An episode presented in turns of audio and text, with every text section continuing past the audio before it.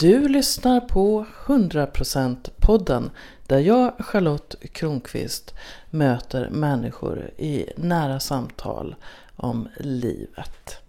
Och i det här, det 45 avsnittet, så kommer du att få möta en kvinna som släpper taget och får leva sin dröm. Och hon får ändå göra det som anställd. Välkommen att möta Eva Freja Kristiansson som jag personligen mest känner som konstnär. Men som under många år arbetat i barngrupper på förskolan. Hon har erfarenheten av att jobba med nyanlända med allt vad det innebär. Och sen på fritiden så är det en annan sida av sig som Eva Freja Kristiansson har utvecklat. Hon är nämligen prästinna. Och vad det är och vad det kan innebära kan du få reda på när du lyssnar på det här samtalet som genomfördes en sommarkväll 2016. Jag sitter med Eva Freja Kristiansson på slottet mitt i sommaren 2016. Välkommen hit! Tack så mycket! För mig är du Freja i första hand. Vem är hon? Jag är så nyfiken. Ehm, hon är jag. Hon fyller en stor del av mig. Hon är en eh, kvinna, en prästinna, en nordisk gudinna som har följt mig under många år och som till slut har tagit plats i mitt inre och vill vara en del av mig. Jag var med vid ett tillfälle där du glädjestrålande sa ungefär så här. Freja är här. Jag vill att ni kallar mig Freja. Vad var det som hade hänt i dig som gjorde att hon fick ta den där platsen? Det var ett väldigt stort och magiskt ögonblick för mig. Det var som en... att jag blev initierad av Freja just minuterna innan jag kom med det här beskedet om att jag hette Freja. Eh, jag var på ISTA-utbildningen på Ängsbacka för ett år sedan och veckan innan så var jag på Tantrafestivalen och där fick jag en, en inre uppenbarelse, en vision då jag såg, plötsligt så såg jag en, en prästinna framför mina ögon som höll i två ormar och som dansade. Som en inre bild som bara smällde upp mitt framför mina ögon. Helt eh, oannonserat. Och jag blev tagen på sängen. Jag har eh, för många år sedan, tio år sedan, hade jag många sådana inre bilder och bildspel som spelades upp i mig om att jag var en tempelprästinna. Jag gav folk healing, jag tog hand om folk i templet och helade dem och vägledde dem. Och så har jag inte fått de här bilderna på, ja men på tio år säkert. Och så kom den för ett år sedan, pang, rätt upp i mig. Och det blev så starkt. Och sen så var jag på ISTA-utbildningen och då hade vi introduktion det första vi gjorde när vi alla samlades. Och under den introduktionen så började jag undra vad det här ISTA stod för. Då tänkte jag, ja, International School of Temple Arts, men vad står Temple Arts för? Det bara gnagde i mitt inre. Så när vi gjorde en paus för att vi skulle gå och äta så fångade jag upp en av eh, lärarna, ISTA-lärarna. Och så frågade jag henne vad, vad det här Temple Arts, vad det var för någonting. Och då sa hon, ska jag ta den korta versionen eller den långa versionen? Ja, ta den korta, sa jag, vi ska ju gå och äta. Och då stod vi högst upp i trapporna, det var många trappor ner till, till markplan. Och så säger hon så här, ja det är så här för 5000 till 8000 år sedan så, så fanns det tempelprästinnor. Och då höll jag på att trilla ner för trappen. Jag blev alldeles chockad. i mitt inre så att jag tappade fullkomligt balansen. Jag blev yr i huvudet och jag började gråta och hon stod och tittade på mig. Jag kände inte ens den här kvinnan. Och hon tittade på mig och undrade om allting var okej. Okay. Och jag sa ja, det har aldrig varit så bra i hela mitt liv. Nu vet jag varför jag är här. För att jag skulle bli en tempelprästinna. Och därför hade den här ormprästinnan kommit upp i mitt inre och visat sig så starkt för mig precis två dagar innan den här utbildningen. Och så pratade vi mera och då berättade jag vem jag var, vad jag gjorde, att jag är prästinna i Moder Jords tjänst och har varit det i många år. Och att Freja står mig väldigt nära och, och eh, jag, att jag, jag avbildar henne i keramik och jag har gjort eh, jättemånga Frejor i olika skepnader till folk. Och eh, när jag sa det så tittar hon på mig och säger så här Men du är ju Freja, säger hon. Du måste ju genast ta det namnet. Och när hon säger, när hon säger att jag är Freja så är det som att det bara går en sån här självklarhet genom hela min kropp, genom hela mitt energisystem. Och jag bara gråter. Jag bara gråter. Eh, och så, och då så säger hon till mig att du måste genast när vi kommer tillbaka så måste du ta mikrofonen och säga att du har bytt namn. Att hon verkligen tittade på mig och verkligen såg mig som Freja. Och jag bara, ja, självklart.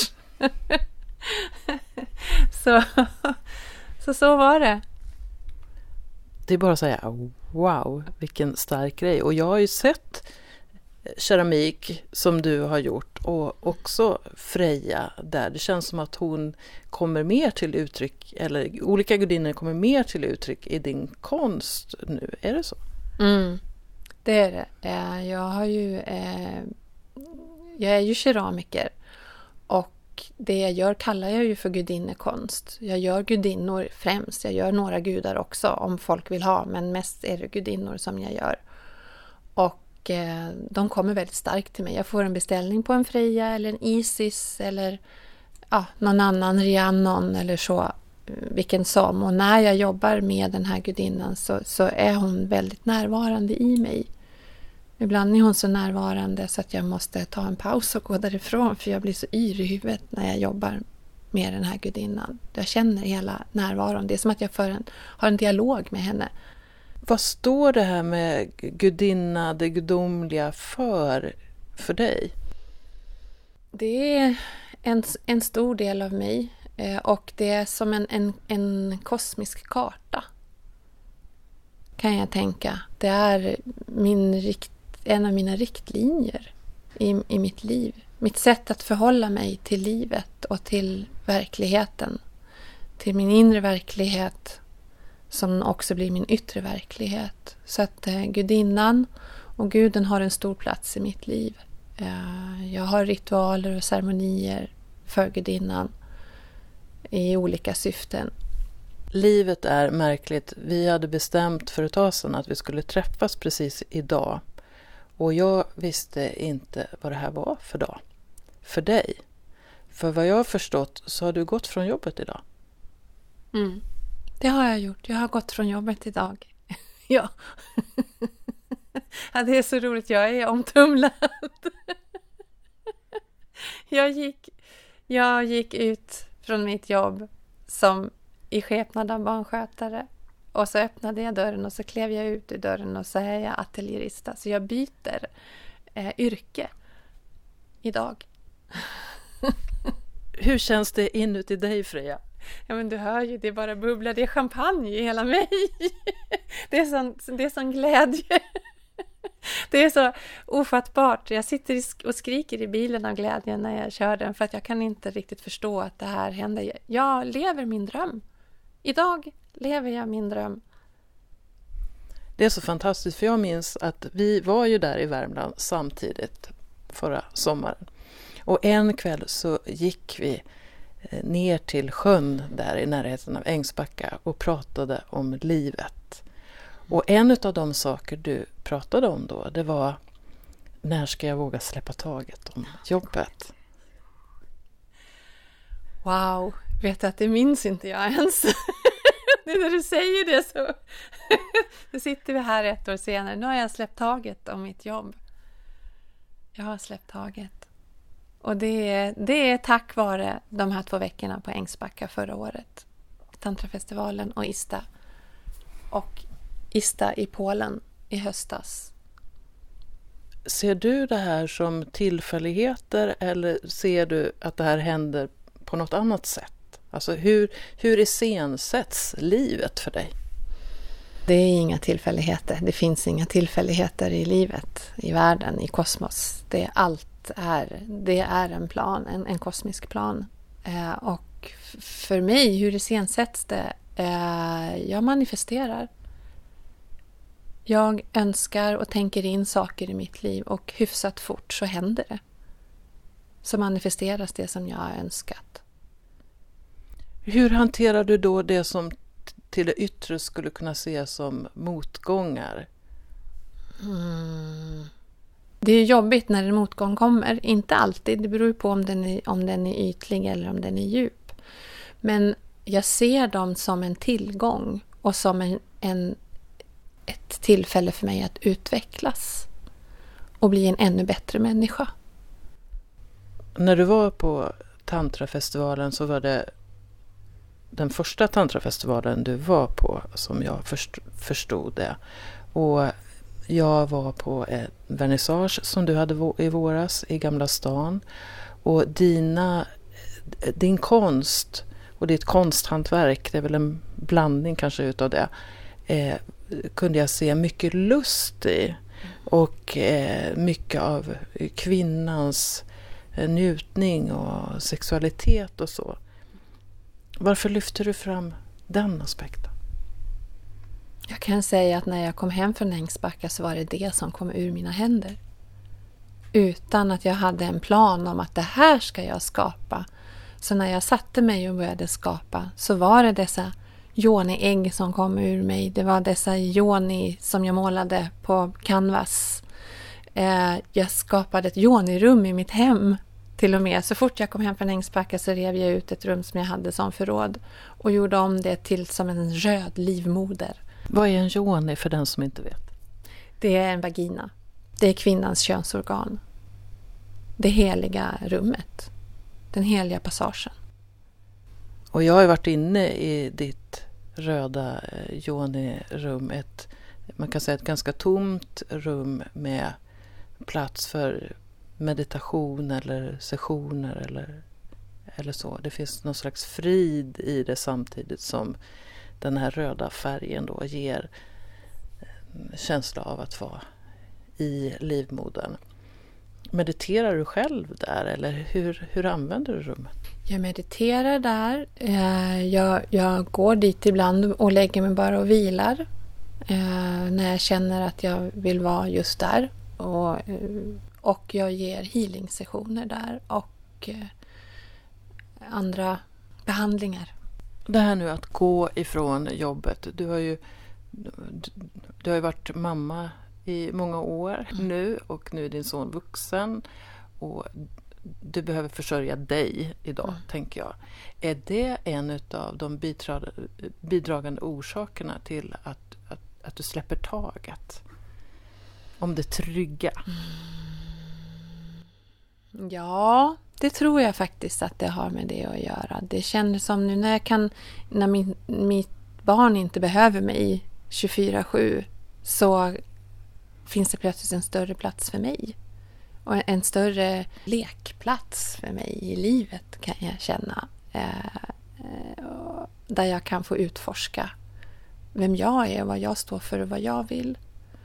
Och det där ingår ju alla aspekterna i livet. Mitt, mitt yrkesliv och mitt, eh, mitt konstnärskap och, och eh, allt det andra som jag håller på med, med workshops och, och mina sessioner som jag har med människor.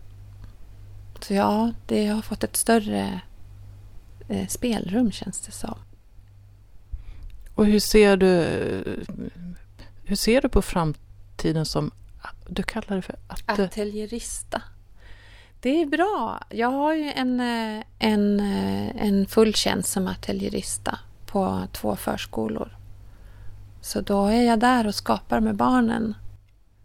Så, jag Så går... du får göra din hobby på betald ja, arbetstid? det är ju det som det bubblar! Jag får ju leva min dröm! Alltså jag kommer att skapa varje dag med barnen. Jag lämnar inte barnen.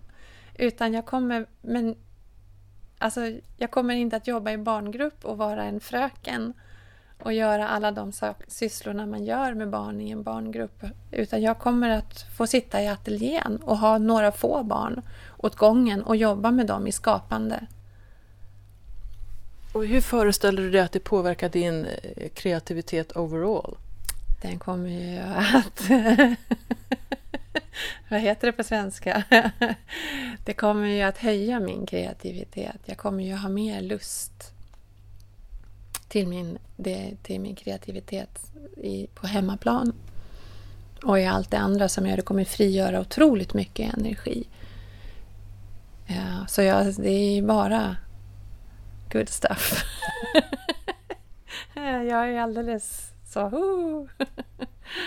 Uh. Ett, ett ord som du har nämnt flera gånger är prästinna. Mm. Vad är egentligen en prästinna för något?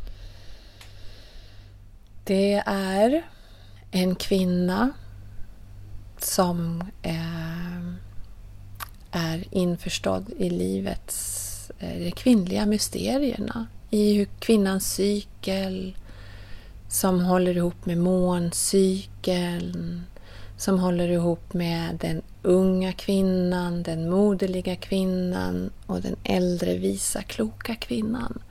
Så det går som en röd linje genom kvinnans hela eh, varande, skulle jag vilja säga. Och att jag är en ceremonimästare. Jag kan hålla ceremonier, jag kan hålla dop och jag kan hålla bröllop och begravningar och allehanda ceremonier som man vill skapa i sitt liv. Är det en, en blandning av att återknyta till gamla traditioner och att skapa något nytt? Ja, jag kan, jag kan känna det. För att jag känner att det är gammalt och djupt, alltså sedan långt tillbaka, sedan många förmödrar bakåt. Så jag känner att jag har dem bakom mig. Men samtidigt så finns det ju inget nedskrivet.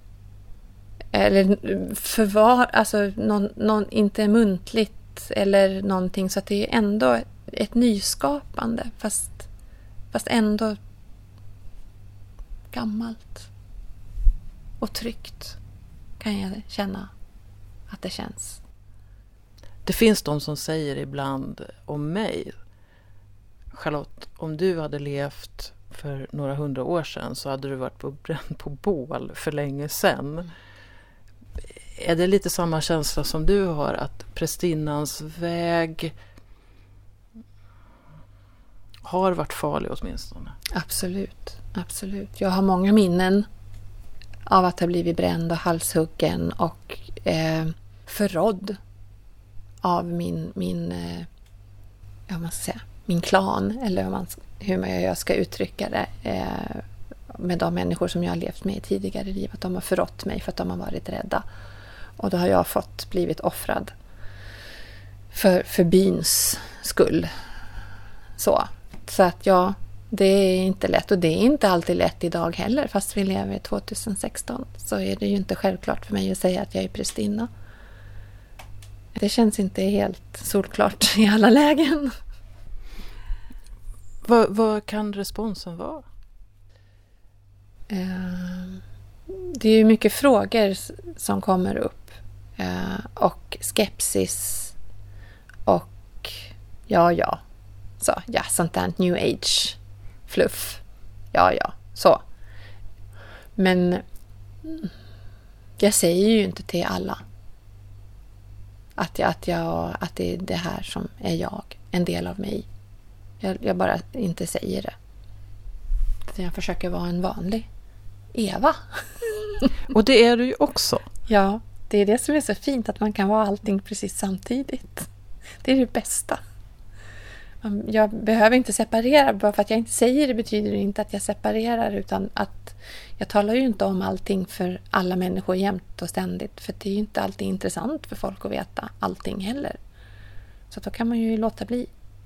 Du sa någonting om att det finns en väg för oss eller en plan. Jag vet inte riktigt mm. hur du uttryckte det.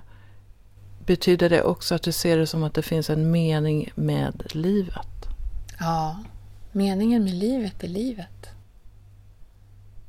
Kan du utveckla det lite? jag tänkte jag kunde få stanna där, men nej, det är klart, eller klart, men jag kan göra.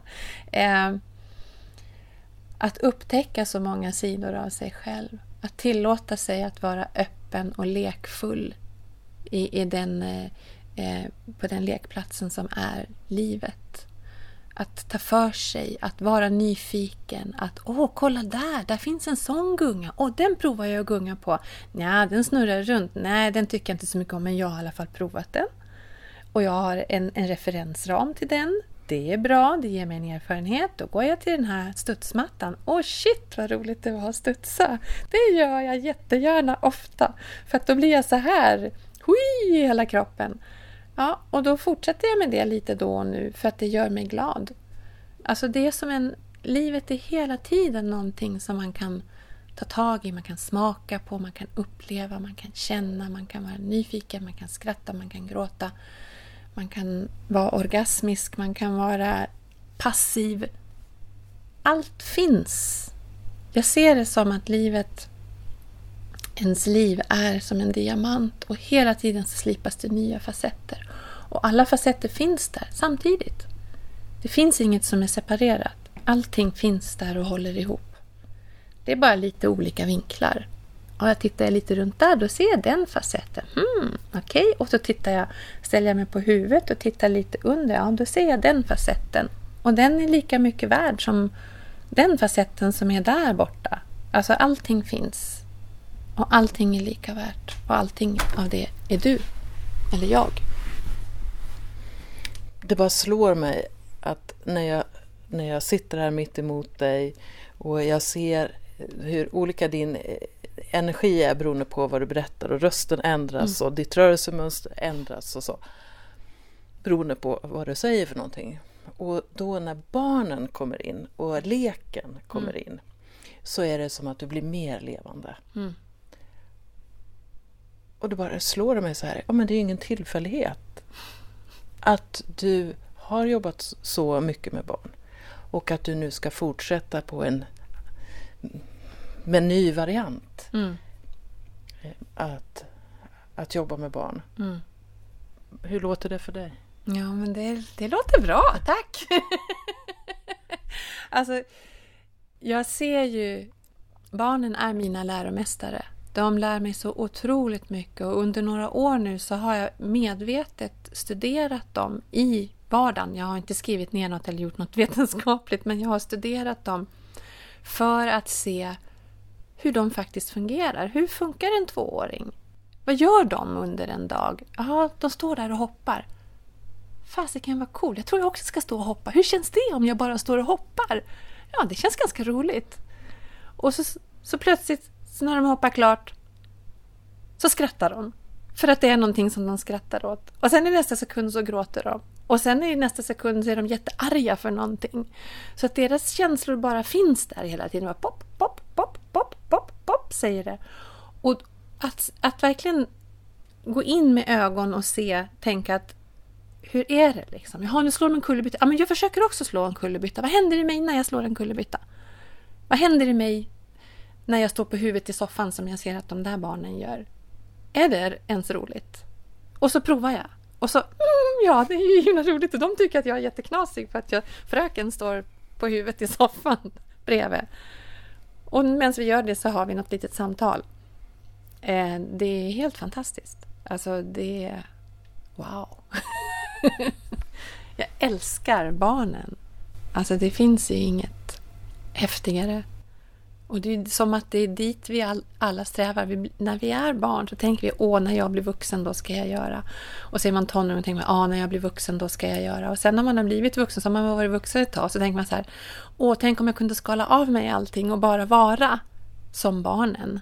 Som treåringen eller två och ett halvt-åringen. Och så vill vi tillbaka dit. Där vi inte ville vara när vi var små, för då ville vi bli stora. Och nu när vi är vuxna så, så vill vi någonstans i vårt sinne och i vår energi blir de här små för att de är så öppna. Och eh, att få vara i den miljön dagligen, det är en, en gudagåva. Alla borde få vara där. Du har ju också haft förmånen att jobba i en multikulturell miljö med barn från många länder och även ni medarbetare har varit från olika länder. Hur har det på, varit med och påverkat dig? Ja, hur har det påverkat mig? Det har påverkat mig, mig väldigt stort. Det har fått mig att inse att inget sitter fast. Ingenting är vad det ser ut att vara, utan allting är föränderligt. Det föränderliga är ju det som är livet. Det går hela tiden framåt. Hela tiden rör det sig framåt i en stadig puls. Och att jobba med nyanlända och med familjer som ingen kan prata svenska, ingen kan prata, inte en engelska, så man kan inte göra sig förstådd, men de kommer och de lämnar sin käraste, eh, inte ägodel, men det käraste de har, sina barn i våran vård och är trygga. Och att få den kontakten, det är eh, väldigt speciellt. Eh, jag känner mig väldigt eh, ja, ödmjuk inför livet för att alla de här människorna som kommer har ju sina ryggsäckar och att kunna vara där och möta dem där de är det känns väldigt stort och väldigt vackert. Det kanske är så att vi alla skulle behöva jobba på en förskola med nyanlända barn? Ja. Då skulle man förstå att, att... Eh, jag tänker att man skulle förstå att saker och ting är inte vad de ser ut att vara. Om jag säger kärlek, vad säger du då? Glädje.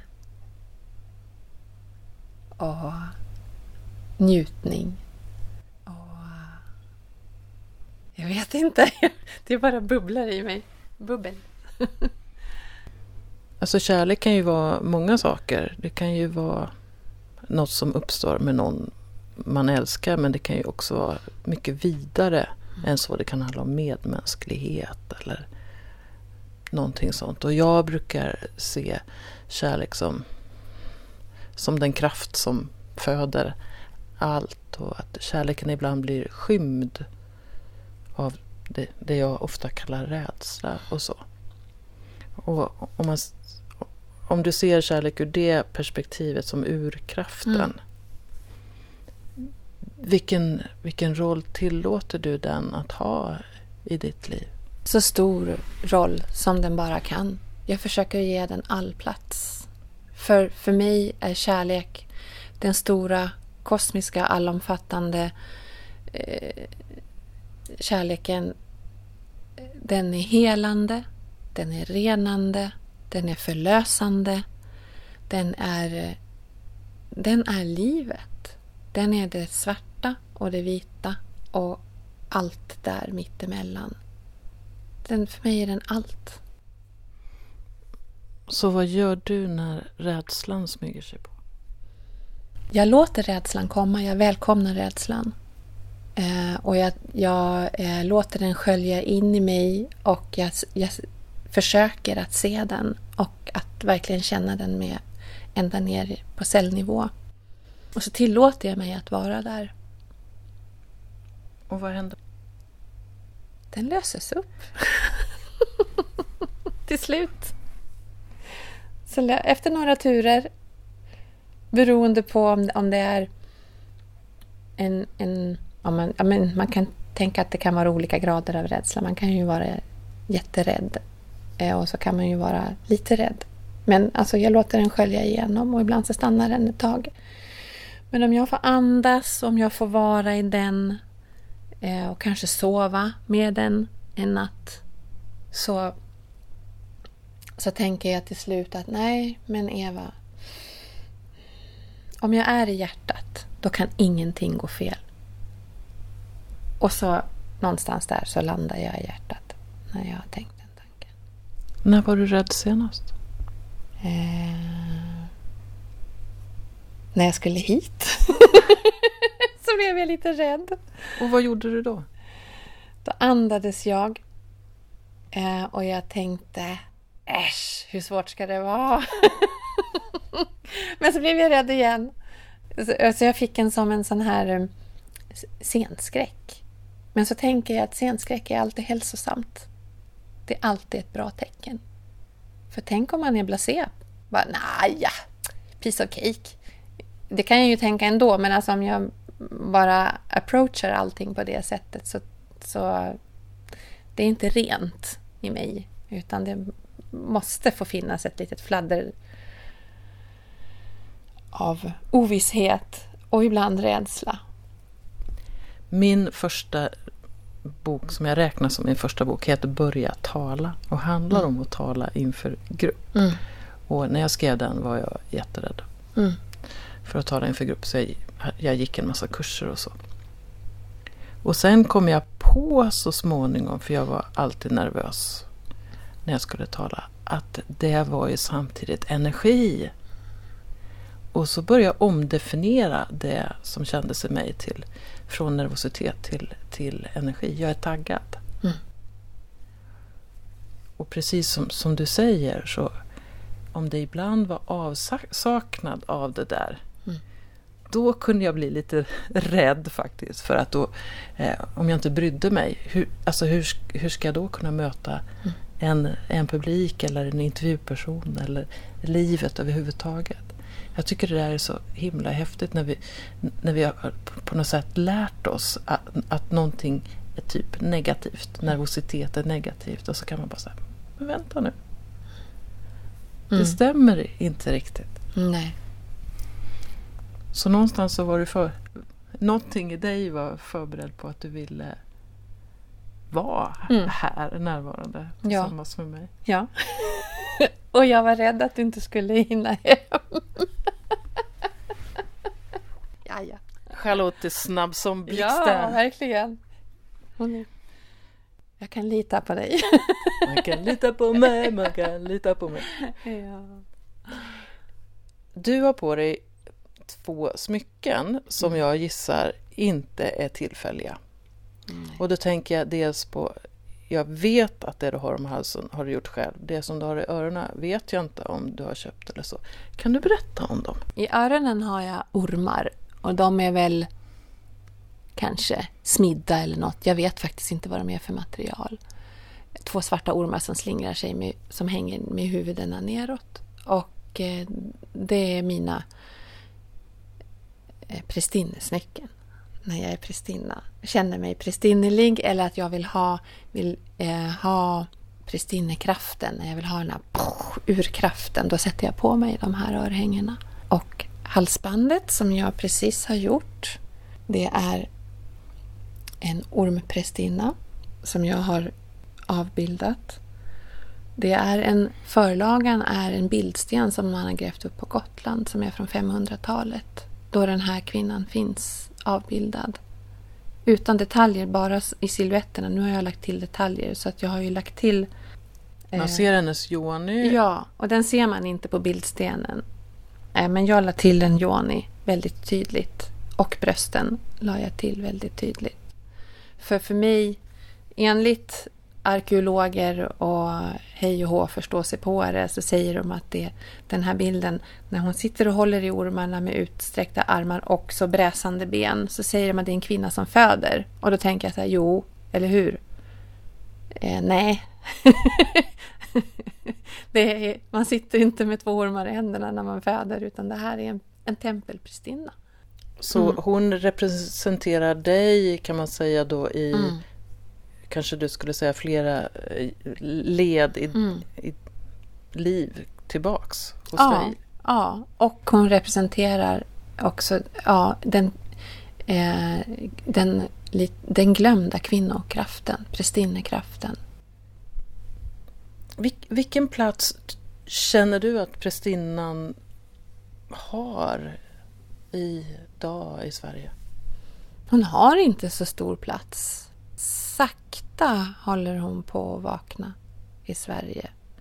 Eh, det finns ett, ett gäng gudinne kvinnor i Sverige eh, vi är ju inte så många, för vi är inte så många i Sverige överhuvudtaget, så det blir inte utslaget och så blir det inte så himla många. Men vi är, är ett gäng och mm, vi har lite olika inriktningar. Så det är ändå ett gäng, men det är ändå ett, ett spretande gäng. Det är, hela det här eh, gudinne...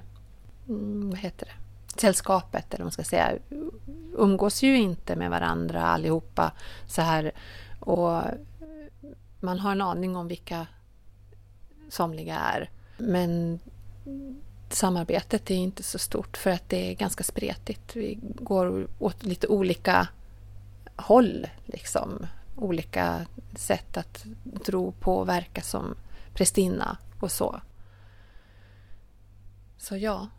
Men kan kan en del av den där energin som du pratar om finnas även om eh, en kvinna formellt sett inte har gått en prästinneutbildning eller så? Absolut.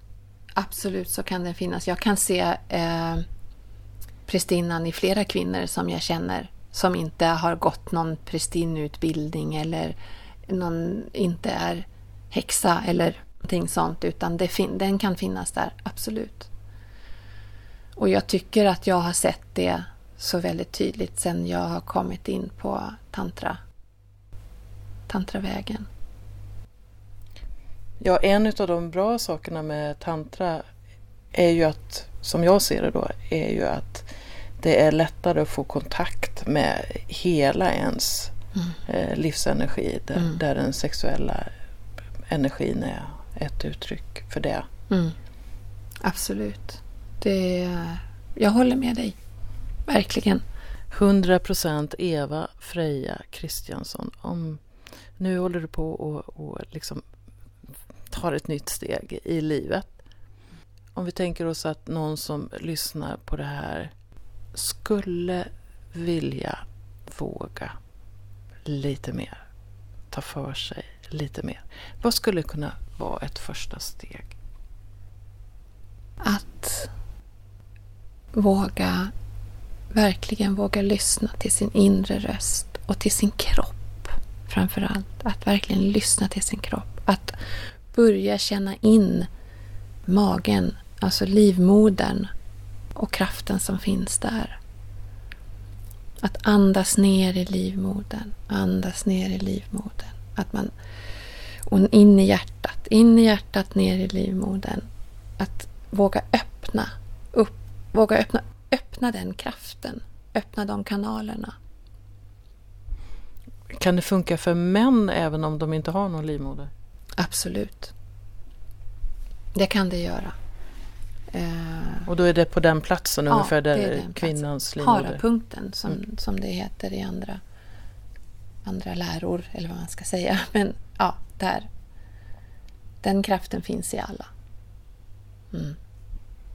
Den kraften finns i alla och just nu när Freja och jag sitter här så känner vi den där kraften. Tack så väldigt mycket för att du ville träffa mig ikväll. Ja, tack själv kära Charlotte. Tänk att jag fick vara med när Freja föddes i Eva Freja Kristiansson. Det var ett vackert ögonblick när hon reste sig upp och sa Jag är Freja. Och vet du vem du egentligen är? Vad behöver du göra för att känna att du är mer i kontakt med dig själv och din potential? Vad är det du behöver hoppa av eller hoppa på? Äntligen så finns det en möjlighet för dig att visa i handling att du gillar 100% podden. Jag har startat ett samarbete med Patreon där det är möjligt att lägga en dollar per sänt avsnitt av 100% podden. Så gå gärna in på Patreon slash Charlotte Kronqvist. Patreon stavas P-A-T-R-E-O-N. Jättekul om du vill vara med och samskapa podden med mig. Och du, vi kan faktiskt träffas om bara några veckor. För då kommer jag att befinna mig på Ängsbacka i Värmland och köra 100% podden live på Tantrafestivalen som äger rum den 2 till 7 augusti. Jag har också möjlighet att ge dig rabatt på festivalbiljetten. Om du använder koden LUST16 L-U-S-T 16 när du köper din festivalbiljett så får du 10% rabatt. Gå in på Ängsbackas hemsida ängsbacka.se Jag önskar dig en fortsatt underbar sommar.